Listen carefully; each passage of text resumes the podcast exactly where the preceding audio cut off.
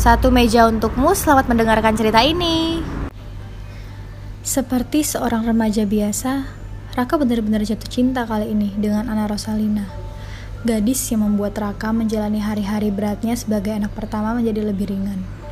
Dia menggambarkan Ana seperti oase di tengah padang pasir. Menjanjikan. Mereka berdua menikmati malam itu. Malam yang memberikan warna baru di hidup Raka. Entah hijau, biru, atau merah. Yang pasti itu membuat Raka bahagia.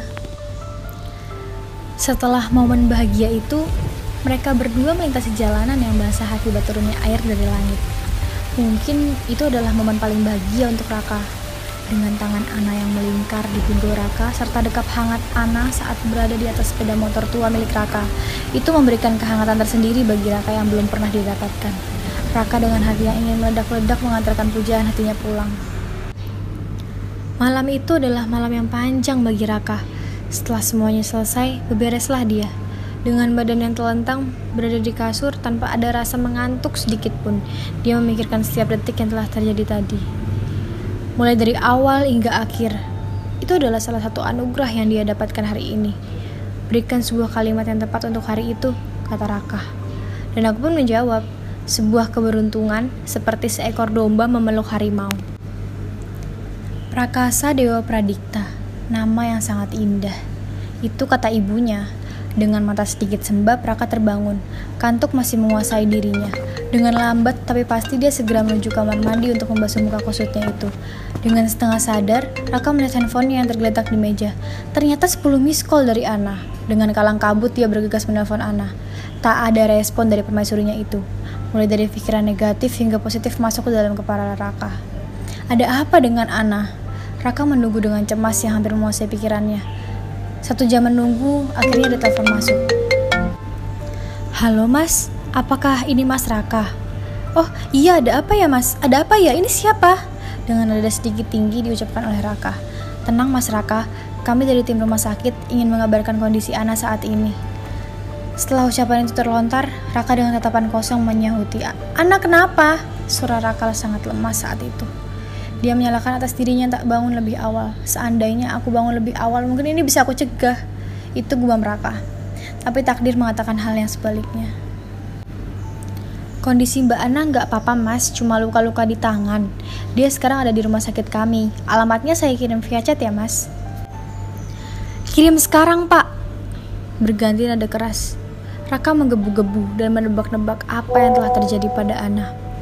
Setelah alamat jelas, tanpa melakukan apa pun lagi, Raka bergegas menuju rumah sakit itu. Dengan pikiran kacau, dia mengendari motornya dan melesat menuju lokasi tertanda. Yang dia harapkan, Ana mendapatkan luka yang tidak begitu parah. Di hari minggu itu, Raka menganggap dirinya laki-laki yang tidak bertanggung jawab.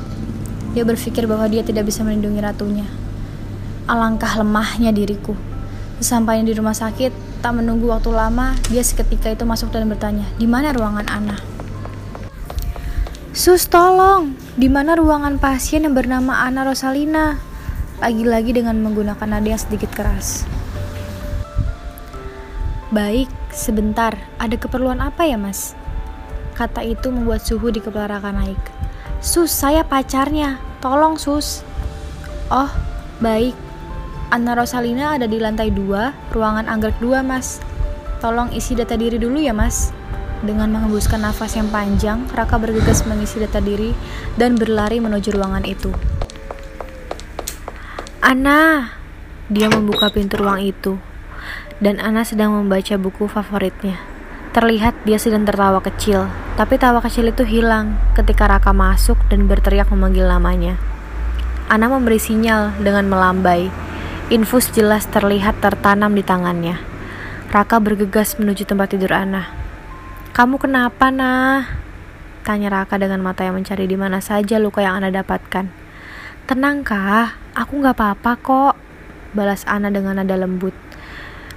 Duduk dulu dong, nanti aku ceritain. Terlihat jelas, mata Raka hampir tak kuat membendung air mata. Raka tak berucap dan duduk seperti apa yang diminta Ana. Masih dengan muka lesu dan tampak bersalah tentunya. Jadi gini ceritanya kak, Tadi pagi, pas aku cari makan di warteg, tiba-tiba ada anak perempuan kecil yang duduk di sampingku. Tanpa memesan apa pun, aku berinisiatif mengajaknya ke kos dan makan bersamaku. Pas aku tawari, dia mengangguk. Jadi aku belikan sekalian. Nah, pas aku jalan sama anak perempuan ini, tiba-tiba tanpa aku sadar ada motor kencang dari belakang. Mungkin si pengendara ini ada maksud tertentu, atau apa aku juga nggak tahu. Tapi yang jelas dia benar-benar ingin menabrak si anak kecil ini. Tiba-tiba aja aku refleks menarik anak itu. Tapi si pengendara ini malah putar balik. Aku lari ke gang kosku. Dia tetap mengajar aku dan aku mau teriak pun gang itu sepi. Aku kaget pas dia turun dan membawa pisau. Aku takut banget kah. Tapi pas aku lihat anak kecil itu, aku mencoba berani. Aku kepikiran buat nyuruh si anak itu lari.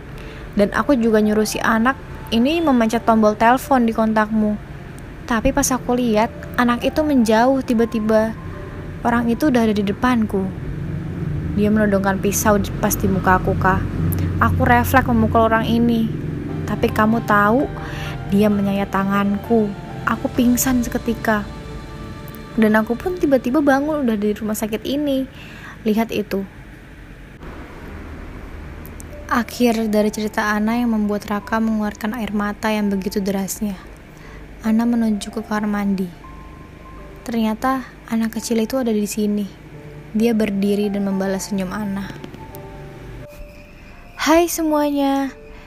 Gimana? Siap-siap untuk season 2 dari satu meja ya? Ingat, kita bakal rilis habis lebaran. Sampai jumpa kembali.